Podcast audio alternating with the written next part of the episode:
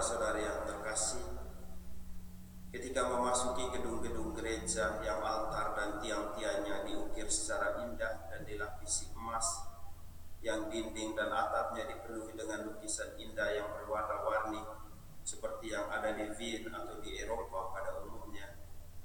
Mungkin ada dari antara kita yang langsung bertanya, untuk apa membangun gereja semegah ini? Bukankah ini sebuah pemborosan? Baik uang-uang yang dipakai untuk membangun gereja itu digunakan untuk membantu orang-orang miskin yang lebih membutuhkan? Pertanyaan seperti ini ada juga dalam Injil, yakni dalam diri Yudas Iskariot. Ketika melihat Maria meminyaki kaki Yesus dengan minyak narwastu, ia langsung bertanya, mengapa minyak yang mahal itu tidak dijual saja? Dan kemudian uangnya disumbangkan kepada orang miskin.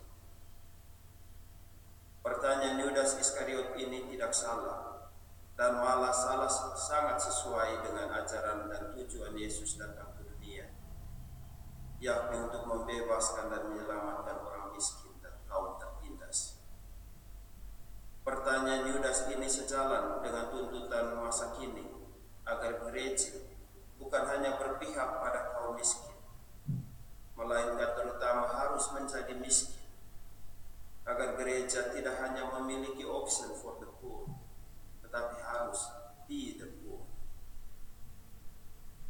Lalu apa yang keliru? Ada dua hal yang menyebabkan sikap Yudas ini keliru.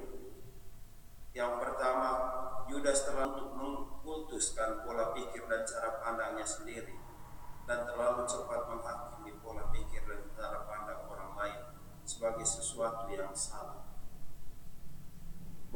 Murid Kristus tidak boleh hidup boros, tetapi lebih memperhatikan orang miskin, itu tentu saja benar.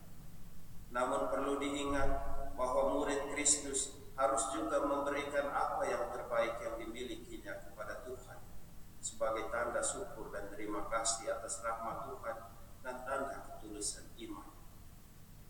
Dan itu sangat layak, bukan pemborosan. Tidak ada yang salah dari kedua cara pandang ini.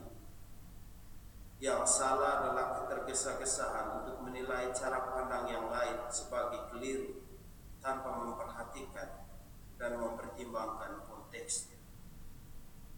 Yudas jatuh dalam ketergesa-gesaan ini ia tidak mempertimbangkan konteks bahwa tinggal enam hari saja Yesus berada bersama-sama. Orang-orang miskin selalu ada padanya, tetapi aku tidak akan selalu ada pada kamu. Demikian kata Yesus kepada Yudas Iskariot. Frase akan selalu sangat menentukan. Dengan frase ini Yesus tidak menyalahkan cara pandang Yudas Iskariot, tetapi menempatkannya dalam konteks yang benar. Mungkin Yesus mau bilang begini, Seandainya saya masih lebih lama tinggal bersama kamu, minyak itu harus dijual dan uangnya dibagi-bagikan kepada orang miskin. Tetapi sekarang tinggal enam hari saja. Tidak ada salahnya kalau Maria meminyaki kaki saya. Kedua, Yudas Iskariot memakai ajaran Yesus untuk Kesalahan ini lebih mendasar karena berkaitan dengan motivasi. Yudas mengeritik Maria bukan karena mau membantu orang miskin, tetapi karena mau mencuri uang dari kas ajaran Yesus atau ayat-ayat kitab suci bisa ditafsir secara berbeda. Dari satu ayat atau kata yang sama, masing-masing kita boleh jadi akan mendapat pesan yang berbeda-beda dan malah bertentangan satu sama lain, tergantung dari cara dan pengalaman yang kita bawa untuk membaca ayat tersebut. Dan semuanya benar tidak ada yang salah. Karena itu dianjurkan bahwa kita harus lebih sering sharing kitab suci. Bukan untuk melihat mana pesan yang paling benar, tetapi untuk belajar satu dari yang lain. Kecenderungan untuk mengatakan bahwa pandangan dan sikap saya lebih benar dari sikap orang lain karena saya lebih kenal dan lebih dekat dengan Yesus dan kitab suci.